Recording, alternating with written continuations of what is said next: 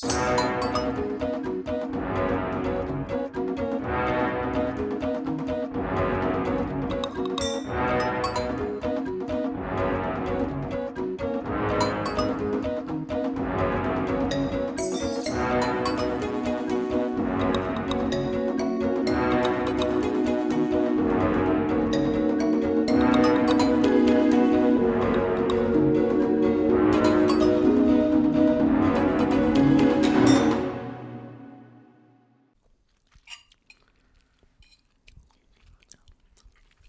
morgon.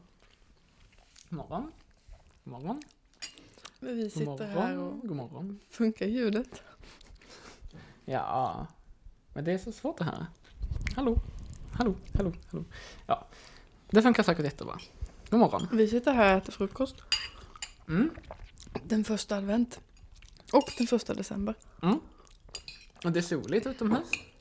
Det har inte varit soligt på jättelänge. Fast igår var det det. Men det är där, soligt idag igen. I stort sett har det varit molnigt i två månader. Hej solen. Hej. Vilket betyder att vi inte spelat in podd sen i somras.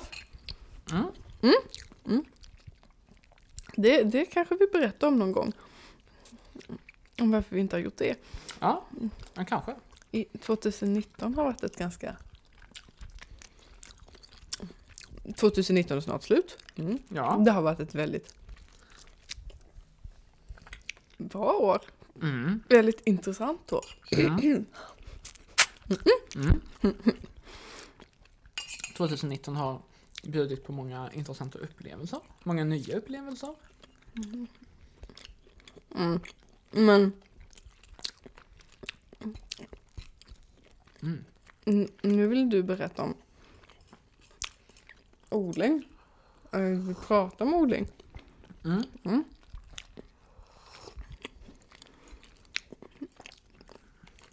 Som Odling som en andlig ritual hade jag tänkt var intressant. Ehm.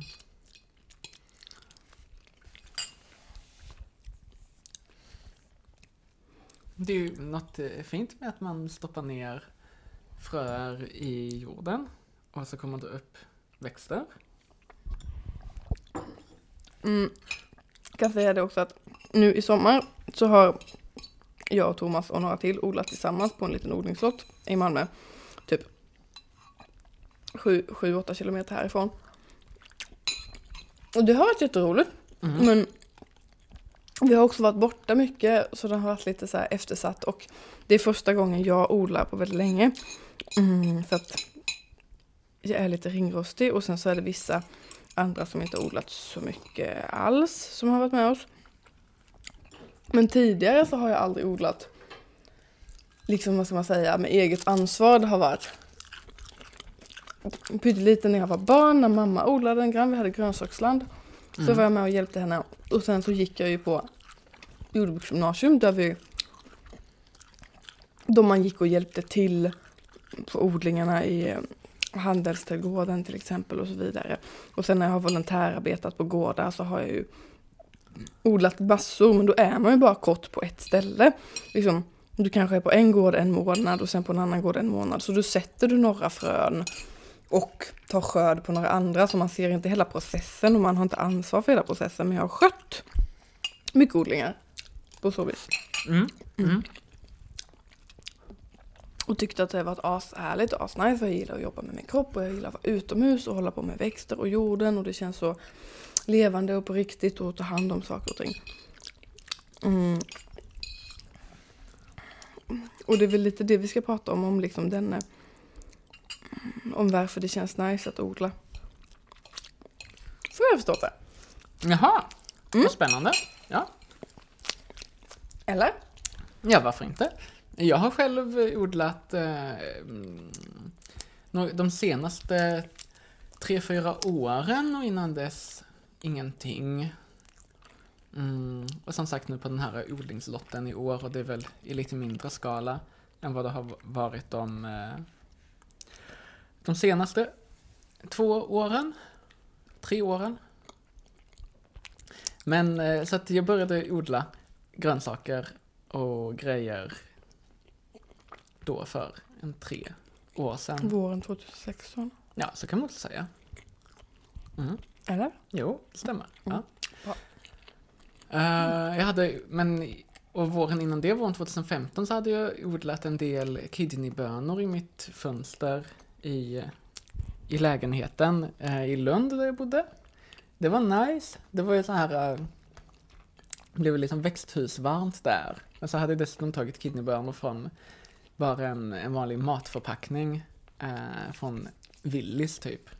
Och stoppat ner i jord i små eh, pappkrukor och så gamla mjölkkartonger och någon sån här eh, konserv, gammal konservburk där det hade varit kokosmjölk innan. Eh, och linser och kikärtor sådde jag på samma sätt också.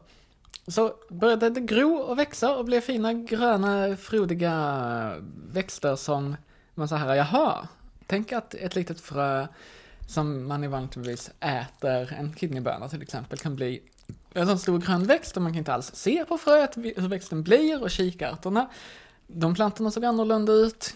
Och linserna, de plantorna, de såg annorlunda ut. Eh, och när de sen satte frö själva så skedde det också på olika sätt. Eh, och deras blommor ja, var väl ganska lika kanske. Mm. Ja, men lite så. Ja, men så ärtblomsaktiga. Som alla baljväxter. Deras blommor är typ ganska lika. Egentligen. Så det hade jag odlat och tyckte det var fett att man kunde, det var som magi. Man trollade fram eh, mat och liv och växter ur, ur ingenting. Hur kom det sig att du gjorde det?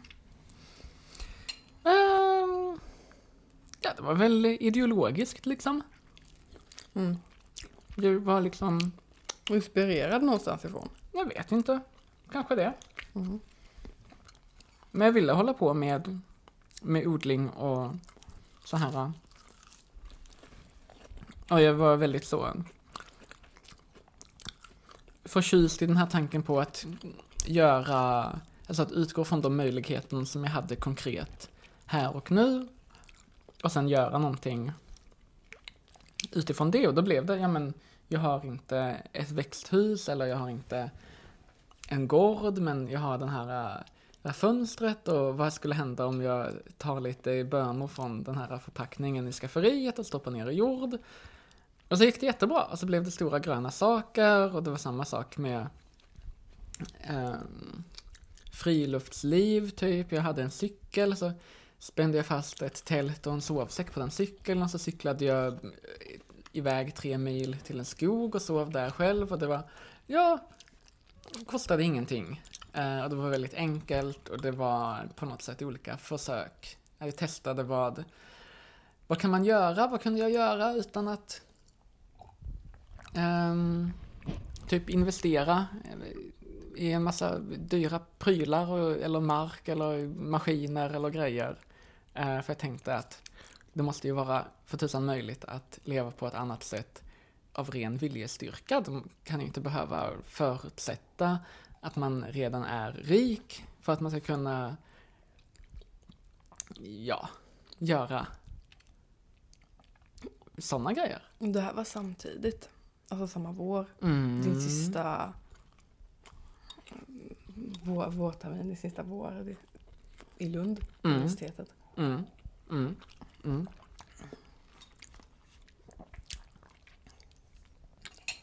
Exakt. Efter att du hade varit i Kanada. Mm. Nej men bara, du har, du har berättat om att, att du var med ett studentkår i Kanada, men det var där som utbytesstudent som var friluftare, typ. Eller som inriktade sig friluftsliv. Mm. Det stämmer. Tell me more. Mm. Ja, alltså om man vill så här förklara varför gjorde jag de grejerna jag gjorde exakt den våren så kan man ju koppla det till att jag var, hade varit på utbyte i Kanada och fått lite nya intryck där. Och sen gick jag med i Fältbiologerna när jag kom tillbaka till Lund våren 2015. Och började så utforska mera, men alltså det här uh, cykla runt med ett tält och så, det hade jag gjort tidigare också när jag bodde i Lund. Så det var inte som att allting började då. Men... Eh, Hur var det att odla sen då när du kom till Skattungbyn? Och gick den här kursen i odling? ja, det, var ju, det var ju kul på samma sätt fast ännu mera kul. För att det var större, det var mer... Det var, då var vi ute på, och hade mark som vi odlade på. Och många olika grönsaker och med mycket förberedelser. Vi försådde en massa grejer inomhus som växte till sig och som man fick sköta. Purjolök och rotselleri och eh, whatever. Massa olika grönsaker. Men för det är en sån olika Tomater, paprika och chili. tomat, paprika och chili. Ja. Viktigt. Mm. För du mig, för du började ju odla själv. Och för mig är det liksom så här, jag har aldrig odlat själv och det har alltid varit en så här gemensamhetsgrej. Mm. Och typ så här, jag kan träffa många som, som säger att de gläds över just det du berättar om. Att man sticker ner några frö och ser vad som händer. Mm. Och det är någonting som jag liksom kan förstå om man kommer från, från det hållet om man inte har odlat. Att det måste liksom kännas fantastiskt. Att framförallt om man gör det på eget initiativ. Om man inte liksom har läst i någon tidning eller hört någon säga att så här kan man göra. Utan man själv bara bestämmer sig för att göra någonting. Sånt är ju alltid jättehärligt. Men jag som då hade liksom odlat med många människor förut och på stor skala så kändes att odla liksom bara lite grann så himla litet och när man vet att det kan vara så mycket mer. Så det är liksom, Mm. Mm. Men det, det, mig så finns det liksom en del i... Det är, allt, det är förknippat med gemenskap och organisering på något sätt. mhm. Så som jag har erfarenhet av det. Ja. Mm. Ja. Eh, ja, jo men alltså så kan jag också se på odling. Eh, att det är att man försöker typ, man ser det som en produktion och man försöker maximera produk, alltså man här, vi producerar mat och då ska det ske på ett typ ett rationellt sätt och vi liksom planerar ordentligt och organiserar vårt arbete. Och det var ju mycket den inställning som fanns på Skattungbykursen som jag gick då 2016. Att det, de, vi skulle ju få liksom, ja men så här, det här ska man tänka på inför. Eh, om man har olika skiften med liksom här är, det här området odlar vi potatis på i år, nästa år ska vi odla en annan gröda, sen så går det runt cykliskt så för att det är bra för växterna eller det minskar skadedjursangreppen eller det är viktigt för, för att jorden inte ska utarmas på näringsämnen och så här. Är Såklart ekologisk odling då, så att då man, måste man vara lite mer försiktig med vad man gör och inte gör. Och då, var, då, då fick vi lära oss sådana grundläggande Mm. Förhållningsregler. Liksom. Så här är bra att göra. Man kan variera lite grann, men, men att ha någon form av så här grund är bra. Eh, men vad som också fanns på Skattingbykursen och som var det som jag snarare själv hade haft erfarenhet av då våren 2015 när jag odlade var ju kanske då en mer andlig aspekt av odling. Att det är ett sätt att komma i kontakt med, eh, med det levande och, och naturen och klimatet och vädret. Om man, om man odlar så måste man bry sig om, jag har regnar det, hur varmt är det, när smälter snön, eh, hur mår den här växten? Och man, man liksom, ja, saker som blir viktigt för en är helt plötsligt ja, levande grejer och inte en, en dator eller ett bokföringsprogram eller ens bil och så här. Bokföringsprogram. Ja. ehm, och, eh, och att... eh, och jag, ja, det känns... Det ger mig mycket att ha den här, att ha så att säga fingrarna i jorden oavsett hur mycket eller lite jord det är. Och det är på något sätt en, eh, det är en personlig relation mellan mig och, och min vän jorden då. Ja, men precis. Men för mig så är det där du beskrev att man planerar och att man odlar ekologiskt och tar hänsyn till växtföljd och så vidare saker. För mig är det en andlig koppling till det. Mm. Mm. Vill du förklara mera? Det handlar ju i grunden om att ta hänsyn och om att ha kunskap. Och liksom desto mer kunskap man har och desto mer hänsyn man tar som man också kan ta för att man har kunskap, desto närmare blir bandet på det sättet också teoretiskt. Och då blir det liksom både teoretiskt och fysiskt för att du, du står där med händerna i jorden och du vet om vad det är för mikroorganismer som lever i dem. Mm. Mm. Så för mig går de sakerna väldigt mycket ihop. Mm. Mm. Men det mm. har man ju stött på många som, så här, som, som just tycker att planering och så här, mm, sinnesfrid inte hänger ihop utan att de vill liksom testa sig fram och se. Och det är klart, för då, då lär de sig också genom att kolla själva. Mm. Mm. Mm. Så det kan man på något sätt förstå. Man vill ju inte sluta ha ögonen öppna på egen hand trots att man vet saker via böcker. Men kan, via andra människor. Ja, men, men kan du uppleva liksom... eh, Upplever du det tillfredsställande, själva grejen att åh, här, här satte jag en potatis i våras och nu är det en stor och frodig planta?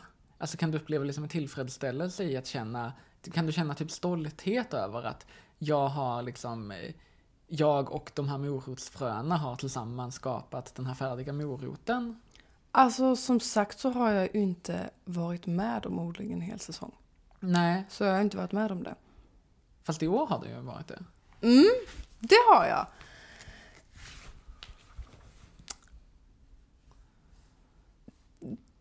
Den lotten var ju lite risig, så det kändes inte som att jag hade tagit jätteväl om hand om dem. Fast det kändes ändå så här, det spirade. Jag vet inte om jag känner så jättemycket stolthet. För att liksom till exempel som vaxbönorna gick det ju jättebra för. Mm. Det kände jag väl på något sätt mer var deras stolthet. Alltså de var de som hade varit duktiga i frågan och inte jag. Ja, ja. Men känner du liksom ingen emotionell koppling till de här vaxbönorna?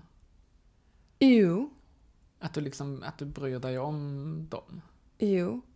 Men eftersom vi inte var, alltså som när jag har woofat till exempel, då har jag ju varit på ställen dagligen. Och då blir det en mycket starkare kontakt tycker jag. När Mm. man är liksom varenda dag går ut till de här morötterna och rensar ogräs eller tar hand om dem. Jo men det är klart. Så det är klart. det, och det är men, klart. men bara så på lotten, det kände jag absolut. Men eh, hur mycket tid man tillbringar där är en ganska stor del på hur starkt jag ska känna för det. Ja, det, håll, det är såklart. Det, det håller jag helt med om. Ja. ja, det är ju avgörande såklart. Men så är det ju med allting. För, för när, när jag har volontärarbetat, då har jag ju varit där varenda dag och det man gör hela tiden när man tillbringar tid med växterna är ju att man tar hand om dem. Mm. Så det blir ju såklart ett väldigt så här omsorgsfull relation. Som jag har gentemot växterna. Och så, Mm. och så ser man dem, hur de ser ut och hur de växer och så fascineras jag av mm, att de ser coola ut eller att de växer frodigt och att det finns känns livfullt. Mm. Mm. Mm. Och att det inte liksom är bara jag utan ibland så räcker det med att det kommer lite sol och vatten eller vad det nu än är och så är det så, vissa saker som växer jättebra av sig själva liksom. Av bara naturens kraft. Mm. För det är ju liksom Även om jag kan vara där och hjälpa till så är det ju inte jag i grunden som ser till att det växer. Nej, precis. Nej men och för mig, alltså det där gör ju att jag känner väldigt mycket vördnad för naturen och för växter och för det som lever. Mm. Eh, men, nej men när jag odlar, så jag har kvar den här känslan av att det är magi, eh, det som sker. Och det är på något sätt, Eh, ja, och det, det är på något sätt en, en direkt andlig koppling för mig. Um, och för att...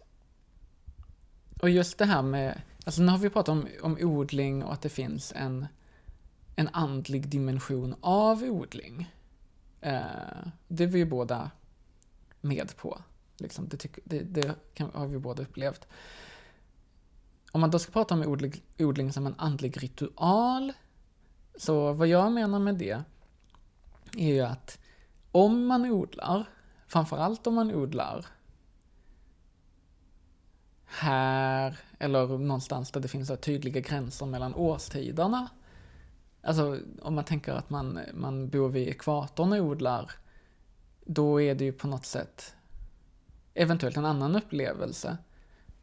Eh, men, men för mig, när man odlar här så har allting en väldigt tydlig cyklisk karaktär. Mm.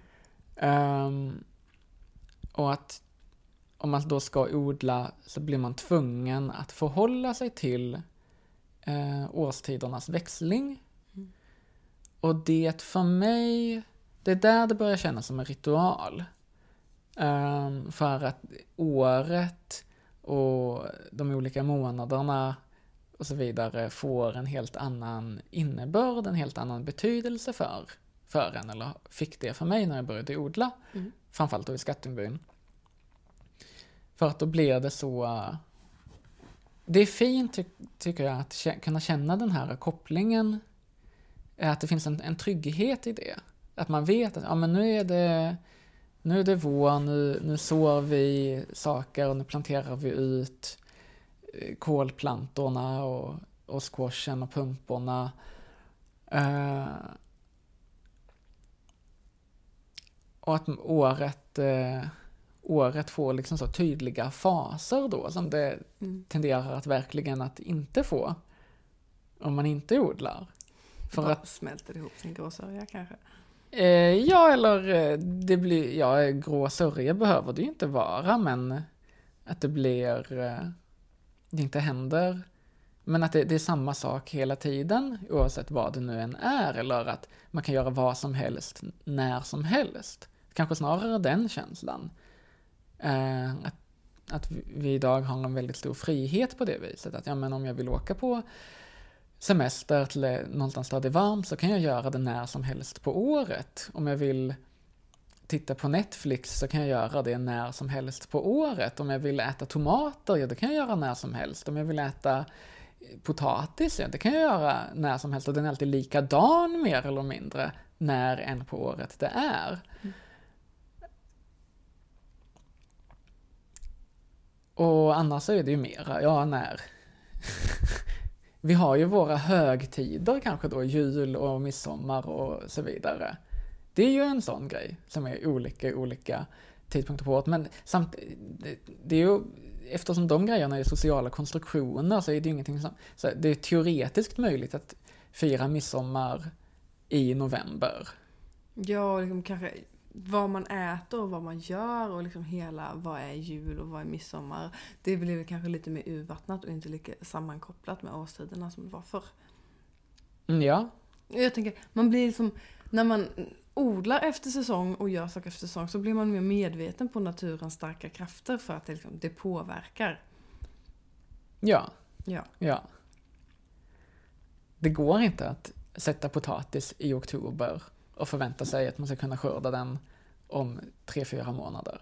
Men liksom för mig, jag är ju jag är uppväxt på landet och haft en del, haft en del bönder runt omkring mig i mitt liv. Det har varit någon granne här och någon släkting där och någon mm, som mamma var tillsammans med ett tag och så vidare. Så att det har funnits bönder. Så även de år som vi inte odlade själv, vi hade ju som sagt grönsaksland hemma i trädgården ibland, men i vissa år och vissa säsonger så hade vi inte det. Men det fanns ändå liksom en medvetenhet och ett prat hela tiden om att Ja men om det var en torr sommar så fanns det alltid en tanke på att det inte regnade på böndernas skördar. Mm, mm. Och sådär. Så Men det fanns det ju för mig också. Jag har också växt upp på landet. Ja. Och det var ju, vi var ju äh, omgivna på, av åkrar. Mm. Liksom. Och man kunde ju se att ja, nu, nu skördar de eller nu plöjer de. Och att det, liksom, det fanns den här... äh, Man kunde ju se det. Men för mig är det ju något helt annat när man själv är... Alltså när man själv har den här emotionella kopplingen till att ja, men det är specifikt den här bondbönsplantan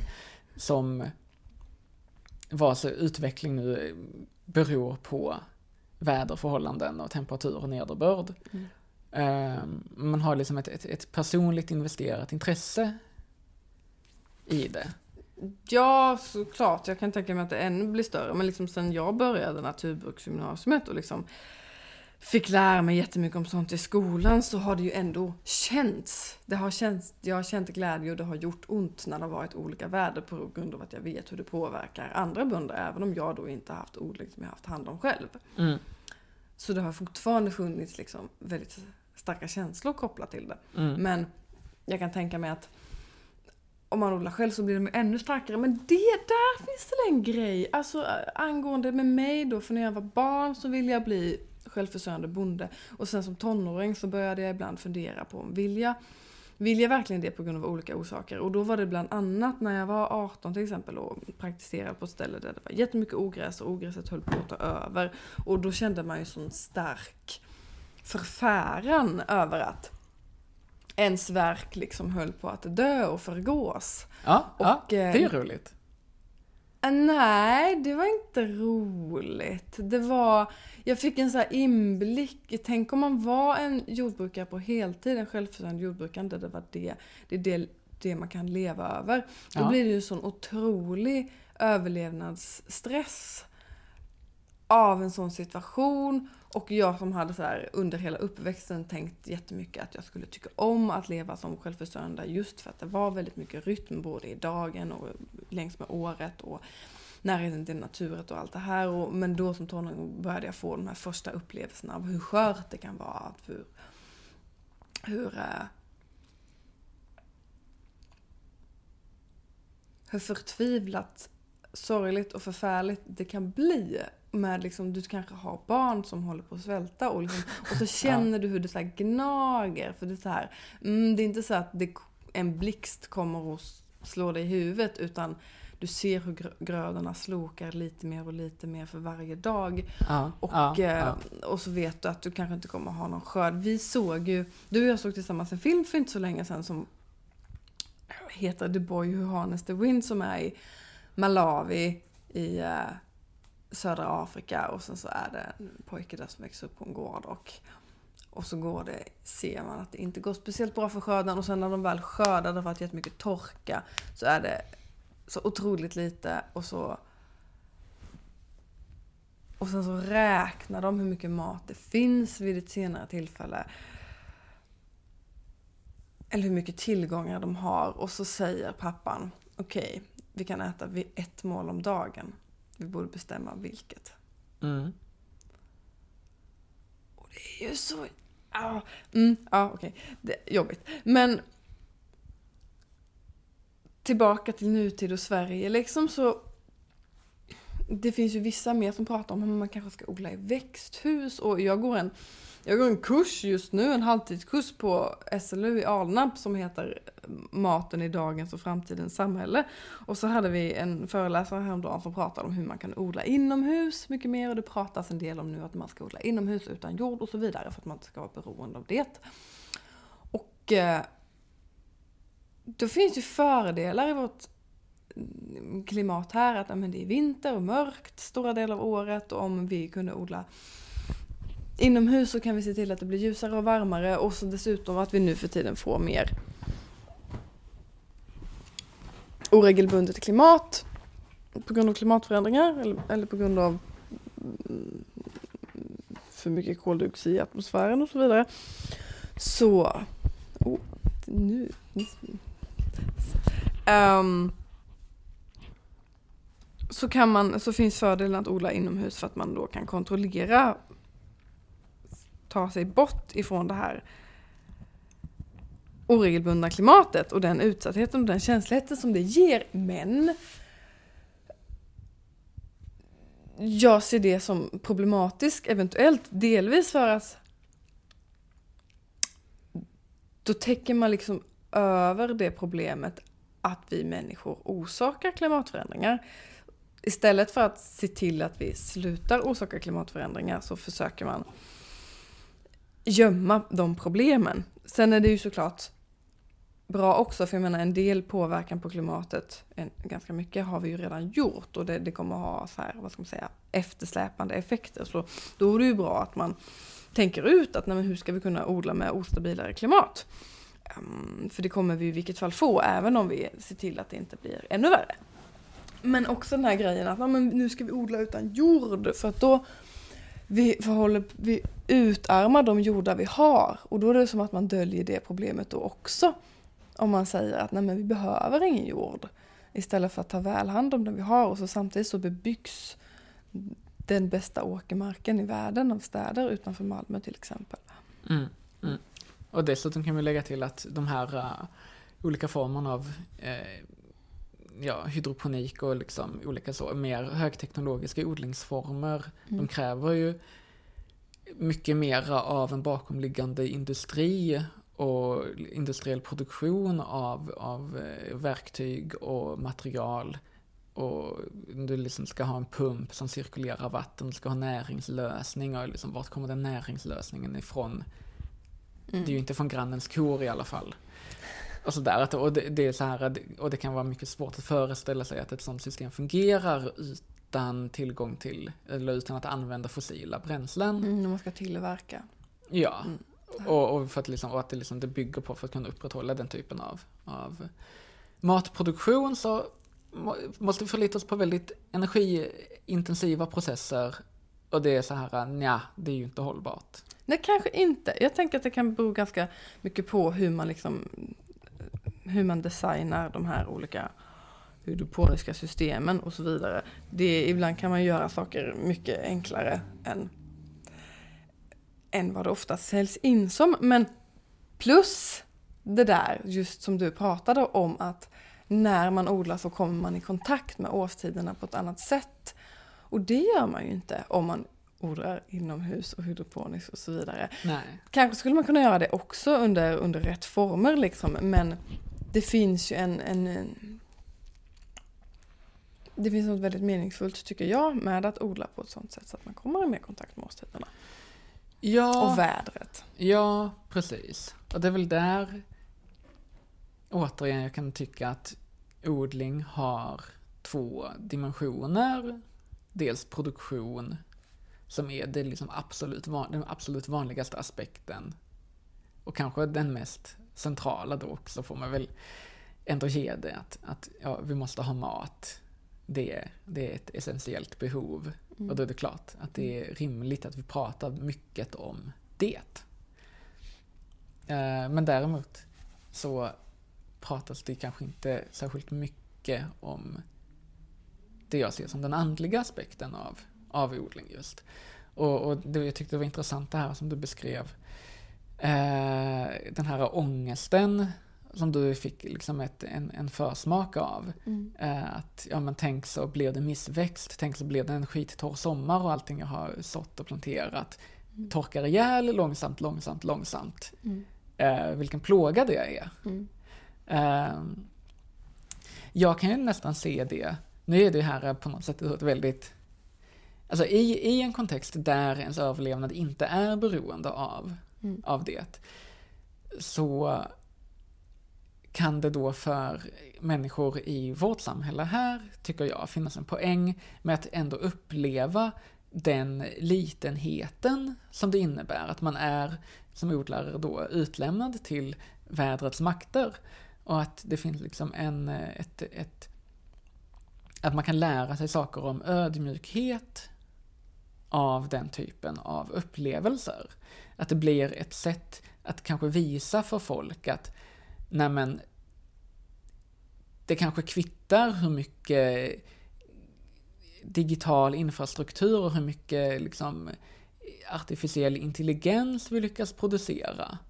Vi är fortfarande någonstans eh, varelser som eh, som förlitar oss, mat. som äter mat och som förlitar, behöver förlita oss på att ja, men, de här morotsfröna kommer att bli bra morötter om några månader. Men att det inte är säkert, vi kan liksom inte, man kan inte trolla fram vad som helst, även om det i dagens samhälle där vi lever, du och jag, på många sätt kan kännas som att vi kan trolla fram precis vad som helst. Och där tycker jag att odling, det, är så här, det, finns, det finns såklart andra sätt för att visa på det här att ja, men vi är fortfarande beroende av, av ett välfungerande ekosystem och så. Men jag tycker ändå att odling blir en väldigt, väldigt direkt väg att visa det för folk. Ja, absolut. Men jag, jag Alltså för mig, återigen så tycker jag, du pratar ju om det här att två olika aspekter om odling, att det är det andliga och produktionen som ger oss mat, men även med den grejen så tycker jag att det är samma sak.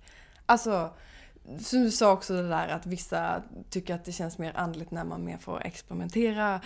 Medan jag sa att även i planeringen och att ha även kunskapen från böckerna så kan det liksom fördjupa min känsla för jord till exempel. Alltså jag älskar jord.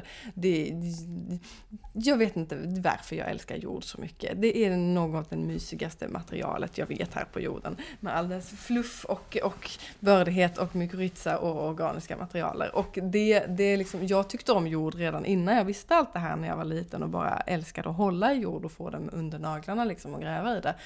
Men det blir nästan ännu djupare när jag har den här kunskapen om den också. Det, det kanske dock inte behövs. Jag skulle nog kunna eller jag vet att jag skulle vara väldigt lycklig och känna ett väldigt starkt band till jorden även utan denna teoretiska kunskapen. Men eh, det du pratar om, mat och, och, eh, och den andliga, andliga kopplingen, för mig är ju det så här, det är så samma sak, för det är odling en sån här härlig spegel av en människa. Um, en människa som består av kropp och själ. För att där brukar vi också göra en indelning. Att så här, ja, men vi har vår fysiska kropp och sen så har vi vår, vår personlighet, vårt jag, vår, eh, vår själ, vår ande. Och, eller vad man nu har det under för namn. Men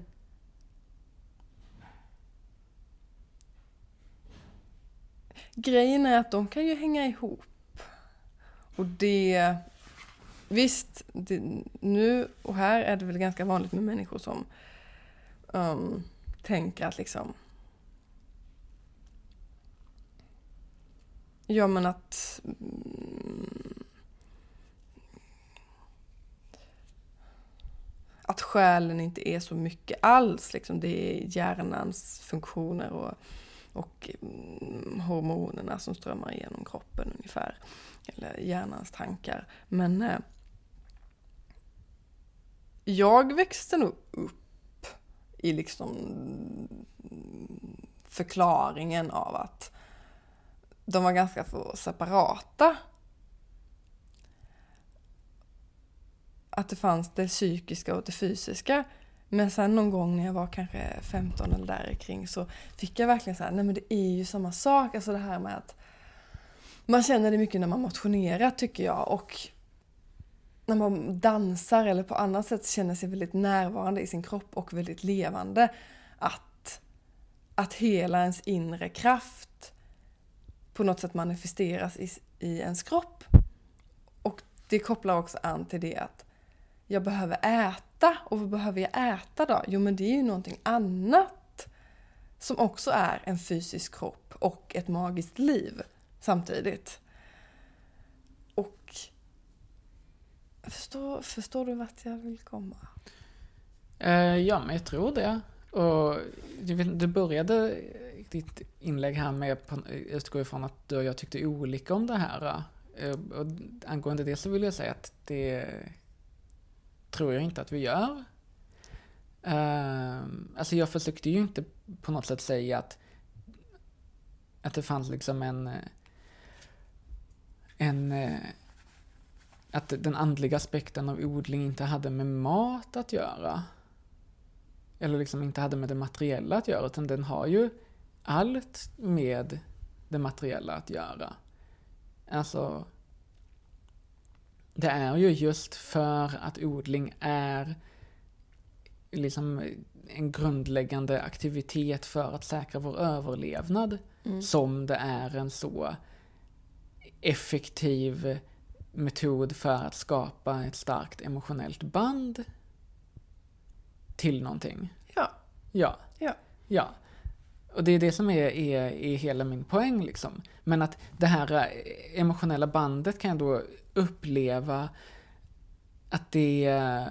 Jag menar, men om en människa som inte på något sätt är sysselsatt med matproduktion mm. behör, har antagligen inte alls den, någon stark koppling till det. till det andliga bandet i odling?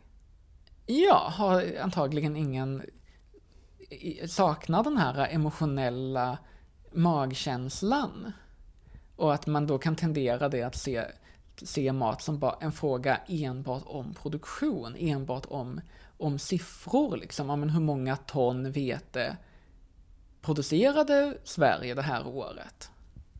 Alltså att det finns en sån... Eh, eh, en tendens att man ser mat som en, en produkt, en, en vara som allt annat, liksom som plastsugrör och, och IKEA-möbler. Att det är så, ja men det, man, det är en, en, en fråga om ekonomi liksom. Mm. Ehm, typ, enligt den typiska kapitalistiska logiken liksom. Och det kan jag tycka är ganska torrt och tråkigt och torftigt. På tal om det så är det ju inte så många som odlar. Nej, det, det, Idag det, det, det är min poäng. Det är min poäng att, att det är väldigt få som gör det. Och därför är det få som har den här kopplingen. Ja. Det börjar ju dock bli mer poppis nu att folk börjar odla lite grann. Vi har de som odlar i Malmö. Så de, mm, mm, det finns lite små pallkagar här och var där folk odlar lite. Mm. Men det är, väldigt, det är väldigt lite men det kanske ändå har en ganska stor betydelse för Ja, de människorna som är inblandade i det. Jag tror det. Jag vill tro att det har, alltså att man just får, då kanske man mer får den här emotionella aspekten, att man så här, ja, jag har sått lite, man säger att det är- blommor man har sått. Mm. Bara för att, ska, ett exempel där som inte har med, med, med, med ens överlevnad att göra, men det är bara estetiskt. Mm. Då kan man ju fortfarande få den här den starka emotionella kopplingen, och nej, eh, dumma bladlöss som liksom dödar mina blommor, just när de skulle slå ut. Eh, och jag tror att det, det, det är viktigt, eller jag kan se en, en stor vikt i att i, i, för människor att ha den typen av upplevelser. För att man, det breddar ens syn på vad livet är. Mm. Och det var också en väldigt intressant upplevelse för mig när jag började odla i Skattungbyn Mm. till exempel. Det här med, eh, med skadedjur. Mm. Vad är ett skadedjur? Mm. Jo, det är någonting som tycker precis lika mycket om det jag odlar som jag själv gör. Mm. Och därför blir de mina fiender. Mm. Därför på ett väldigt, väldigt grundläggande sätt så blir de mina fiender. Det året där jag först odlade liksom på lite större skala, det vill säga 2016, det var ett år då det fanns ovanligt många, ovanligt mycket kolmal. Mm. Och det, det, är en, det är en mal, ett litet flygande djur som lägger sina ägg på kolblad, på kolväxters blad. Och de här äggen kläcks sen till larver och de här larverna äter upp växterna. Mm. Så vi hade jättemycket av sådana kollarver i vår odling. Eh, och det var liksom det, det, det, det, på, det var liksom, och då gick vi ut och, och, och besprutade dem med, ett, eh, med en sån här eh, biologiskt bekämpningsmedel, liksom någon typ av bakterie som sabbar de här larvernas matsmältningssystem så att larverna dör. Godkänt för ekologisk odling. Mm. Ja. Eh, även om det, liksom, det var en viss, det var ju, vår lärare sa liksom att det här är, ska man inte behöva göra liksom. Det, det är okej att det är lite larver på kolen. Det är okej att man tappar 10-20% av skörden på grund av skadedjursangrepp. Mm. Det måste man kunna leva med, tyckte han. Mm. Men att nu var det liksom som att ja, men, 100% riskerade att försvinna och dö. Mm. Eh, och då tyckte han att det var motiverat att ingripa. Eh, och man kan tänka, och, det, och man kan tänka på, på folk som har får, till exempel. Mm. Eh, så kom det en varg och äter upp ett gäng får. Mm. Då, är det ju, då blev det på något sätt mycket lättare för mig att förstå att ja, men det är klart att den vargen är min fiende då. Då var det inte du som hade får. Nej, nej, det, men det, det, det här är bara en, en analogi. En, nej, ja, Ja. Vad, vad betyder det? En liknelse. En liknelse. Alltså att man... För att, ja men, det är ba- bara samma sak med liksom, Mm. då är vargen ett skadedjur sig. Det kanske inte är det ordet man brukar använda, men, men i praktiken. Mm. Ehm, för att, ja, men, och, och samma med kolplantorna liksom, att ja, men jag har investerat så jävla mycket tid och arbete och energi i att de här växterna ska må bra och klara sig. Mm. Och nu kommer det liksom en, en utifrån kommande organism Mm. som håller på att göra allt det jag har gjort ogjort. Det är ju skitjobbigt. För mig. Uh, och det var liksom lustigt att kunna känna den här, liksom, det är väldigt så grundläggande eh, känslomässiga reaktionen på någonting. Där, jag liksom, där min grund i hela den här i den typen av situationer var ju att ja, men det måste man, det är ju bara så det är liksom. Och med vargar också att ja, men om du har, om du har boskap, om du har liksom eh, betesdjur, då är det klart att du får acceptera att om det kommer en varg förbi och river ett av dina får, så är det ju inte vargens fel liksom. Det är ju snarare du som har, det är liksom, det, vargen, det är ju bara, mer du som bara har serverat någonting lättåtkomligt för vargen, och du får ju skylla dig själv. Samma med kolplantorna. Men det var, det var ju inte så enkelt liksom. Det, det är ju en, en, en, så att säga, en svår och nyanserad fråga. Vems, om det nu blir en fråga om överlevnad, vems överlevnad ska man prioritera? Sin egen eller kolmalens larvers överlevnad? Mm, det blir väldigt personligt. Det är ju nästan Ja. som att eh, larven av vargen kommer och angriper dig själv. Det är så det känns. ditt hus liksom. Ja, det är så det känns. Mm. Känner, man känner sig hotad. Mm. Och då vill man försvara sig. Mm. Och det är något grundläggande mänskligt i det. Kan du ha förståelse för de här konventionella bönderna som, som blir upprörda och arga av att, eh, att de inte ska få använda vissa bekämpningsmedel till exempel? Ja, det är klart jag kan förstå dem. Eh, och där vet jag inte om man ska tänka på det främst som liksom en, en emotionell reaktion kopplad till att de tycker om sina växter eller om det främst är en, är en eh, emotionell re- reaktion kopplad till att de riskerar att gå i konkurs.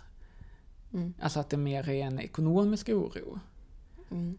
För att, liksom, som situationen är idag så är man ju, blir man ju inte rik av att vara bonde så att säga. Nej, Nej. stora lån istället. Ja. Mm. Och det liksom är väldigt knappa marginaler. Ehm, men i vilket fall så är det ju en, är det en legitim oro. Mm. Eh, och, och eventuellt ilska då också. Om man känner, jaha, nu sitter det någon i, i Bryssel och liksom så här, någon pappersvändare i Bryssel som har jättemånga fina ord och tankar om, om vad, hur man ska göra saker och ting och, och vad, vad är viktigt. Och då får jag liksom då som bonde ta skiten och riskera att gå i konkurs och liksom förlora min gård. Mm. För att det, det är ett gäng eh, människor som tycker att nej men, det här är eventuellt lite dåligt för den här underarten av pollinerare. Vad fan är det för liksom... Lite dåligt. Ja men vad fan är, man kan ha någon sån här, man så här till exempel, liksom, vad, vad, då kan man tycka, vad, vad fan är det för, eh, för prioritering? Är inte människor viktigare än den här stekeln? Ja, jag kan förstå det perspektivet, så- jag kan förstå det perspektivet. Ja, även om jag sj- själv inte står så- bakom det.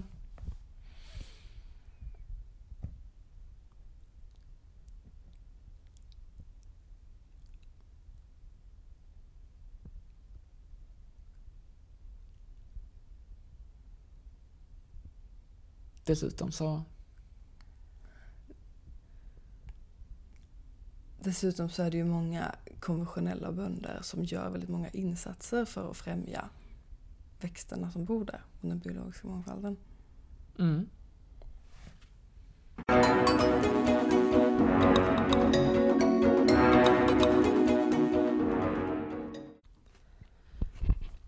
Mm. Nu tog vi lite paus. Vi har tagit varsitt äpple. Jag har förberett kaffe i en presskanna. Och det blev lite hetsigt där. Och det kändes som att jag...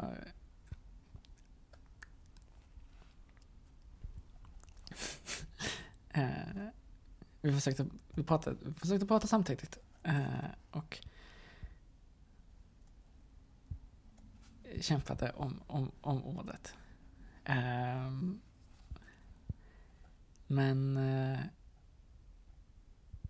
jag vi kanske kan försöka reda ut alltihopa ändå.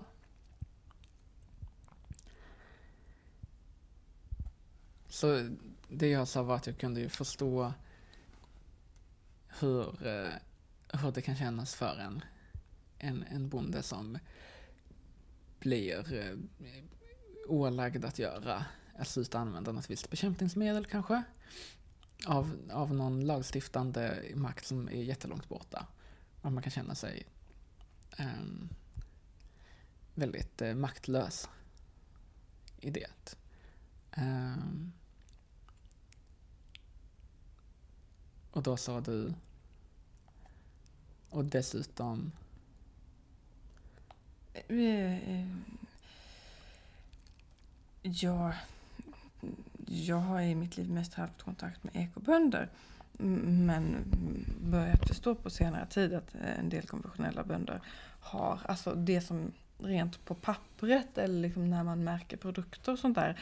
När det handlar om vad, vad går gränsen mellan konventionellt och ekologiskt så handlar det om att man ekologiskt inte ska behandla inte ska använda konstgödsel eller kemiska bekämpningsmedel. Och det är där skiljelinjen går. Men sen så finns det ju många andra åtgärder som är ekologiska eller inte ekologiska, alltså som, som främjar ekosystemet och, och naturen och den biologiska mångfalden på olika sätt. Och det finns ju konventionella bönder, alltså bönder som använder sig av kemiska bekämpningsmedel och och av eh, konstgödsel som har flera andra metoder. De kanske har... Eh, jag har inte varit i kontakt i så många men att de, de, det är ju flera medel som de inte får använda och de, de, kan, de kan tänka på att vörna olika sorters vilda växter som finns som man inte får röra och så vidare. Och, och egentligen skulle det vara intressant att typ så här, känna någon konventionell bonde och veta mer hur de gör. Men det, det är i alla fall mycket som de tänker på och just därför kan du också så här, kännas dumt att alltid känna sig straffad som den som använder massa gifter. När man tycker att man bara använder det som är nödvändigt för att, för att, för att inte gå i konkurs och för att det liksom ska bli någon mat till folket. Men jag skulle vilja lite berätta, jag skulle prata, vilja prata lite mer om det där om att det inte är så många i Sverige som odlar. Mm. Mm. Mm. Och jag, fast jag har visserligen ingen aning om hur många som odlar för privatbruk. Det skulle vara intressant att veta. Mm. Men liksom av de som odlar, de som är jordbrukare eller bönder och kanske tjänar pengar på det. Det är liksom vad men för, för 100-150 år sedan var det ju kanske typ 90, 100, 90, 80 procent där någonstans. Och sen så på 30 90-talet så var det 50 procent ungefär. Och på 50-talet var det 25 procent. Och idag är det en och en halv procent i Sverige. Mm. Och det är kanske svaret på varför jag inte känner någon konventionell bonde, för att det, det finns ju inte så många att känna. Och så är det ju för de flesta. Att det är en väldigt liten grupp. För liksom säg så här 70 eh, år sedan, då kände nog de flesta, kanske fanns det någon stadsbo som, några stadsbor som inte kände några bönder. Men liksom annars, det var ju 25 procent av eh, jordens befolkning, eller Sveriges befolkning, inte jorden. Um, jag tror det bara gäller vuxna människor, men så då blir det något mindre, men i alla fall. Mm. Och nu är det färre och då är det delvis så att det är en del jordbruksmark som har växt igen till skog eller så har man byggt stad på den. Mm. Snar, eller planterat skog snarare. Ja, det beror nog lite på var du är. Alltså, det finns ju övergivna gårdar. Liksom desto längre norrut i Norrland så finns det många så övergivna gårdar. Som mm. så ja, en del är, givetvis, en del har man planterat igen men andra har bara liksom blivit öde. Det, är så här, det finns ju mycket ruckel och gamla lador och sånt så som bara inte används. Ja. Och så växer så småningom upp sly där liksom. Det finns och sen så desto mer runt mm, storstäder och storstadsregioner och där det är väldigt tätbefolkat, där är det större risk att man istället har lagt asfalt och byggt hus på där det har varit odlingsmark innan. Så att jag tror det är typ så här en tredjedel av all odlingsmark som fanns för hundra år sedan har nu antingen växt igen eller bebyggts I Sverige. i Sverige. Mm. Ja. Men fortfarande är det ju två tredjedelar kvar. Men bara en och en halv procent bönder kvar, så det är ju mycket större gårdar såklart. Och så här, på 70-talet så var det någon reform från politikernas håll som gjorde att typ fyra av fem gårdar slogs igen och gick i konkurs så att en femte kunde växa och ta över dem. Liksom. Mm. Eller, så att man, eller att man slogs ihop sig. Så! Det är väldigt många stora gårdar. Och den här, det här är en story som de flesta känner till. Men häromdagen så lärde jag mig något lustigt. Det handlade om den svenska adeln. Mm. Mm. För adel har ju funnits, jag vet inte hur många länder, men i Europa har det ju varit en vanlig grej. Det har varit en, en stor grej. I många hundra år. Ja, ja, ja. Och eh, i Frankrike så gjorde man upp med det under den franska revolutionen. Man ville inte ha adeln. Adeln hade ju också väldigt mycket mark. Det började ju liksom som stora bönder. Som bara blir större och större och större och större och de stora husen blir till herrgårdar som blir till slott och så har man mer och mer mark och så andra som jobbar på ens mark. Och jag vet inte exakt vad som hände vid den franska revolutionen men jag kan ju tänka mig att de mer fattiga bönderna som inte ägde mark själv krävde att få äga en del av marken. Det är så storiesarna brukar låta när så här, fattiga bönder ska ta tillbaka sina rättigheter Mm. som de har blivit bestulna på ett eller annat sätt. Och, Ja. och likaså i stora, stora övriga delar av Europa så var det i eh, Portugal och Spanien och Tyskland och Belgien. Danmark kanske också som man under mitten av 1800-talet gjorde upp med adeln. Så det finns ingen adel där längre. Om jag förstått rätt. Eh, jag ska inte kräva svar från dig det. Men i Sverige så var det, det var först i början på 1900-talet, sedan 1914 som man började klaga över adeln. Den här borde vi ju inte ha. Och under de följande åren där kring. Det var mycket som hände då. Allmän rösträtt och eh, manlig rösträtt och kvinnlig rösträtt och arbetarrörelsen och det skulle bli mycket mer rättvisa på många sätt och håll. Så då ville man inte ha den längre. Men det, det pratades då om att införa en lag som heter typ avvecklingslagen. Mhm. Ja. Som, Ja. som handlar om att barnen till grevar och liknande ska ärva rättvist. För, för så som det har varit är att det är bara den äldste sonen som ärver hela marken. Så att då går ju marken vidare i sin stora helhet och blir inte uppstyckad. För så har de velat ha det inom adeln. Men den här avvecklingslagen trädde inte i kraft förrän 1960-talet. Och då hade den även sina brister. Då var det så här, ja men den äldste sonen ärver hälften och resten av syskonen får dela på resten.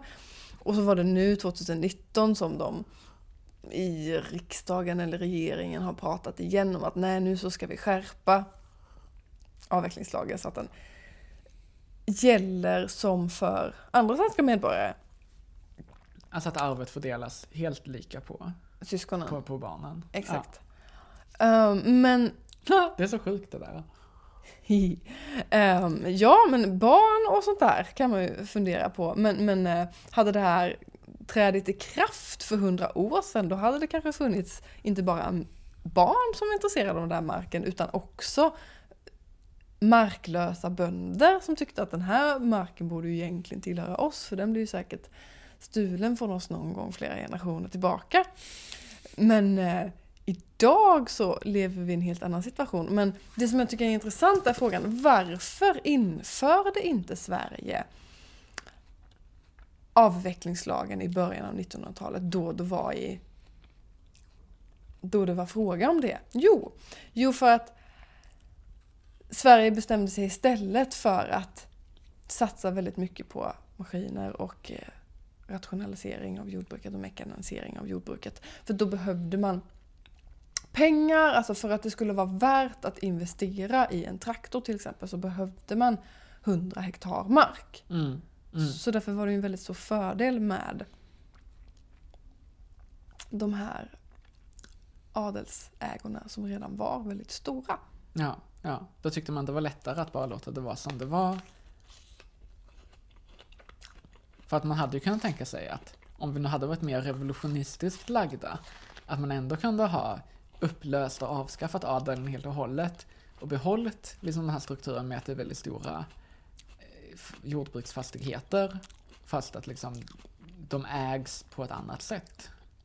Det hade, det hade man ju kunnat göra. Men det är ju liksom antagligen, var ju antagligen allt, allt, allt för radikalt och för kommunistiskt för att någon skulle liksom ens våga tänka den tanken. Ja, var det någon tid folk var kommunistiska så var det väl då. Ja, Men, då, eh, det var, om det var någonting som, någon tid som folk var rädda för kommunisterna så var det också då. Aha, ja, kanske det. Men, eh, ja, men det är ju en tanke att typ hundratals människor eller så här, en hel by eller ett helt företag skulle typ äga en jordbruksenhet tillsammans och samsas om en traktor. Och sen så liksom dela på pengarna som det skulle, och maten som det skulle generera. Det är ju ett alternativ. Men de- den här grejen att vi har så stora så stora åkermarker gör att det är väldigt få människor som har råd att köpa dem. På tal om att få tillgång till mark och på tal om att få tillgång till odling överhuvudtaget. Men behövs det att det är fler i, i det här landet som odlar?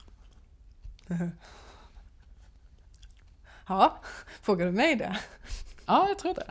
Ja. Mm. Du, du svarar ja på ett väldigt övertygat sätt, känns det som. Ja, det var väl i princip hela det min, min gymnasieutbildning handlade om. Nej men som, som många säkert känner till så att desto, desto större lantbruk, desto, det blir stora åkrar, det blir väldigt få mellanrum mellan åkrarna där det annars kan vara diken och buskar och fåglar och biologisk mångfald och så vidare till exempel. Mm, mm, Det mm. blir stora traktorer vilket ger mer markpackning och markpackningen förstör jorden. Den liksom trycker ihop den så att det finns inget luft. Ingen luft i den och inga gångar för maskar och rötter och vatten. Och då blir det mycket sämre för eh, växterna. Och sen så kan man ju ifrågasätta traktorn överhuvudtaget eftersom den går på fossil energi. Och mm, hur ska man få fram mat om man inte har fossil energi? Det, traktorer kan ju gå lite grann på men, raps och sådär men de ska också tillverkas och när de tillverkas så gör de det oftast med hjälp av fossil energi. Och, som till exempel du lärde dig på din skola att det var någon snubbe som hade gjort ett examensarbete då han jämförde ener- energieffektiviteten i ett modernt jordbruk och ett gammeldags. Ja, på ett ungefär. Mm. Hur löd det? Ehm, ja, det, det löd att man... eh, ja, men han hade gjort en jämförelse mellan eh, att odla ett hektar vete typ år 1825 och idag eh, på en, en plats i Nordamerika. Samma plats. Ja, samma plats. Eh, så att det liksom, det var, och då 1825 så var det, ja men det var en, man hade typ, det var en, en person och två oxar som var liksom arbetskraften. Uh, och idag så hade han räknat med någon, liksom någon standardtraktor liksom, och en person som kör den. Um, och då hade han, då kan man säga, ja men om man, eh, den här eh, bonden och de två oxarna, ja men de behöver, de behöver jobba sig så här många timmar på ett år på, för att odla den här hektaren vete. 166. Ja, nu kommer jag nu inte att kunna återge siffrorna exakt här, men vi tror att det var för Jag har för mig att du sa 166 Men var det, timmar. var det oxarna eller var det, ja, Alltså tiden på åkern för oxarna och människan. ja, ja. Men säg 166 och för personen i traktorn var det typ 7 timmar. Mm. Eh, Så det är ju en skillnad liksom. Att eh, men då behöver de ju mat och, och eh, så här. För att leva så här. Och ja, men han hade ju, och, och oxarna, ja de ska ju ha foder och de ska ha bete så att de liksom, man ska ha, kunna ha dem från år till år. um, och uh, ja, man behöver liksom en, en plog och den ska framställas och hur mycket energi kräver det? Och typ eh, i något så här eh, seltyg och, och någon eh, träställning som är liksom, ja. Som de här oxarna ska, ska liksom gå och dra. Och vad, vad, vad, liksom, ja, vad, vart. Hur mycket energi kräver det för att producera? Och Sen hade han och räknat samma sak i, i fallet för idag med, ja, traktorn ska byggas och den går på biodiesel, säg. Eh, och hur mycket energi innebär det? Och så ska man ha, så köper, köper man importerade frön eh, idag och man har kanske, man har olika bekämpningsmedel och konstgödsel och eh, ditten och datten helt enkelt. Eh, och så hade han räknat ut det för de två olika fallen. Och, Och tog han också in hur mycket mat det gav. Ja, precis. Så att han hade räknat, in, räknat ut ja, men hur mycket energi behövde man lägga in i en hektar vete då och nu. Och hur mycket energi fick man ut av en hektar vete då och nu. Alltså hur stor skörd blev det? Och då kan man ju se att skörden idag var ju kanske fyra gånger större från samma landyta som den var 1825. Så att då det, det är ju den första slutsatsen att jämfört, om man jämför modernt jordbruk med ja, förindustriellt jordbruk, som är hela poängen, så lyckas vi ju idag, det vi lyckas med idag är ju att producera mer mat på samma yta.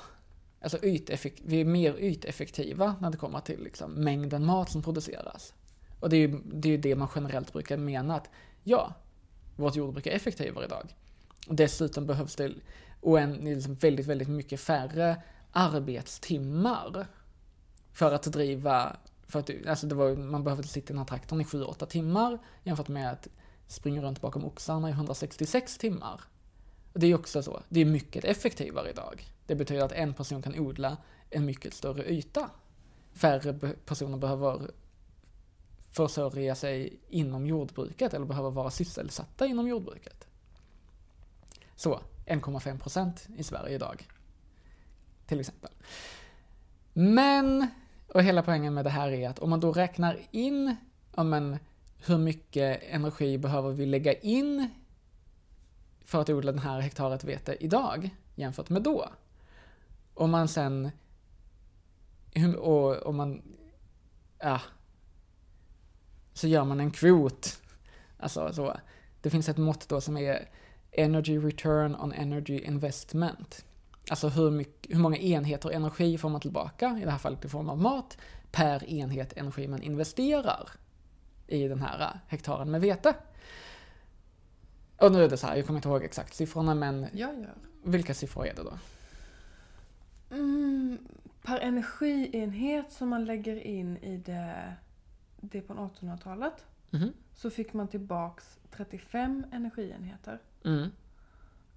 Och per energienhet som man lägger in idag så får man tillbaks 3.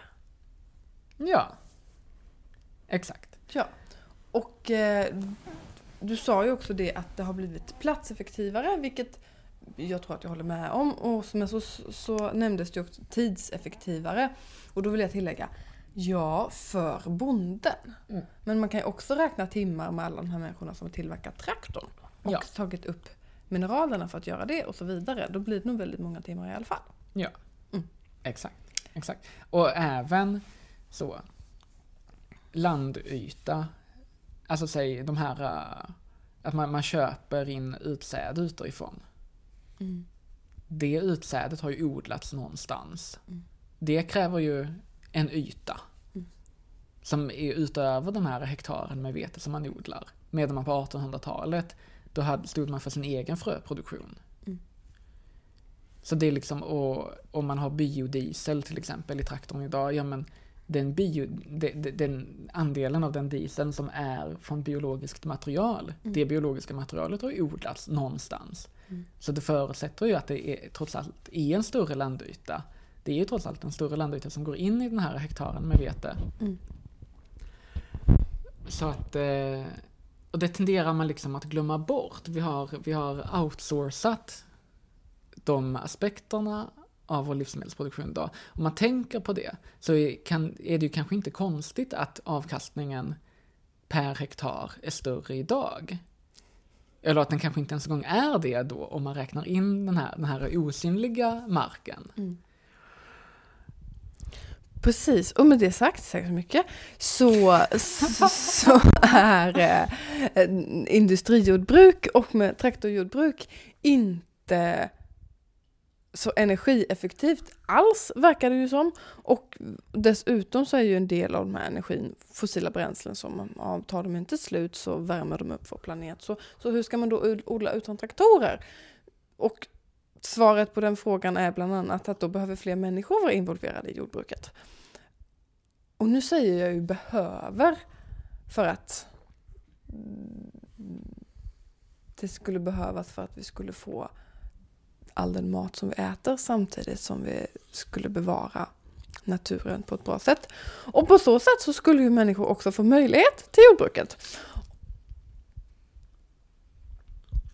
Och vad tror du det skulle innebära för folk? Det har vi redan pratat om lite grann. Men du nämnde ju det här om att mm, ja, men med blommor till exempel tog du upp. Att det, att det är folk som kanske odlar lite grann i staden, inte speciellt mycket, men att det ändå betyder någonting för dem och det kanske inte ens är någonting man kan äta.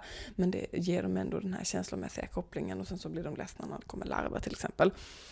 Och det, det håller jag med om, men det där är så här en, en aspekt av det, det är den här, så här skira, Um, att det finns liv i allting och att det är gulligt och underbart typ. Uh, och liksom man är på något sätt fascinerad och känner någon slags tillförsikt till det. Mm. Men jag tycker det finns en till aspekt som handlar just om den här känslan av självständighet. Den liksom otroligt så här djupa, uråldriga, starka kraften som också är en andlig känsla som man kan få genom odling, framför allt när det är någonting som man kan ta tillvara på som en skörd. Håller du med? Ja, absolut. absolut.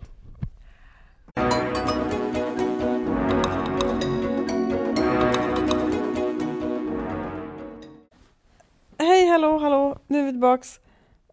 Vad, vad, vad, vad, vad, Nu tänkte vi avrunda det här på något sätt. Hej alla människor.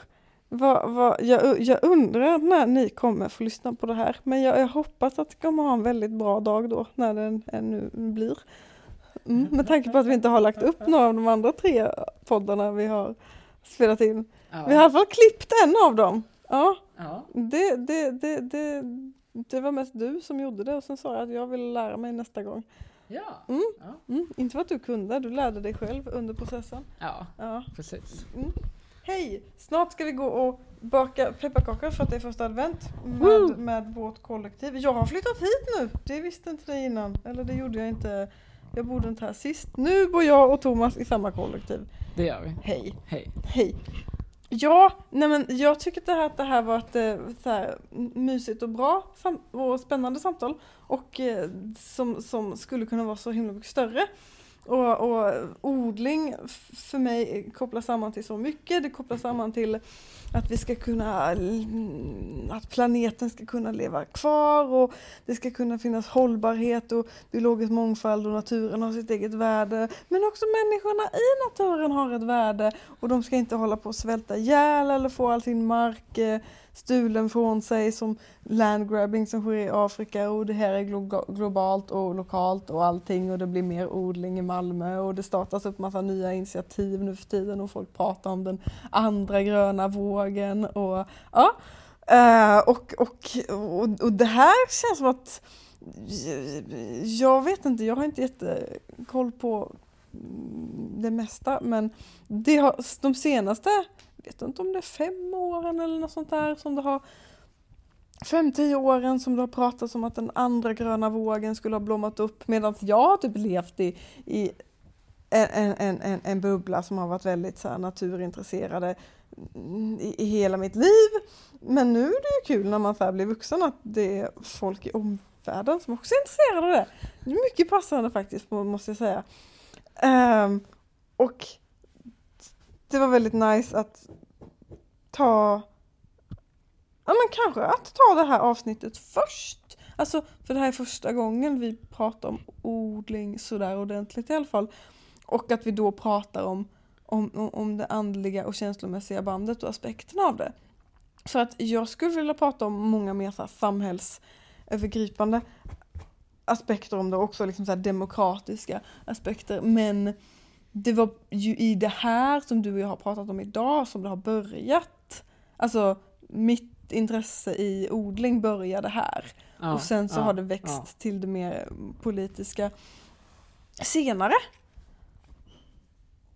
Och det skulle vara väldigt kul att fortsätta prata om de bitarna i ett annat avsnitt.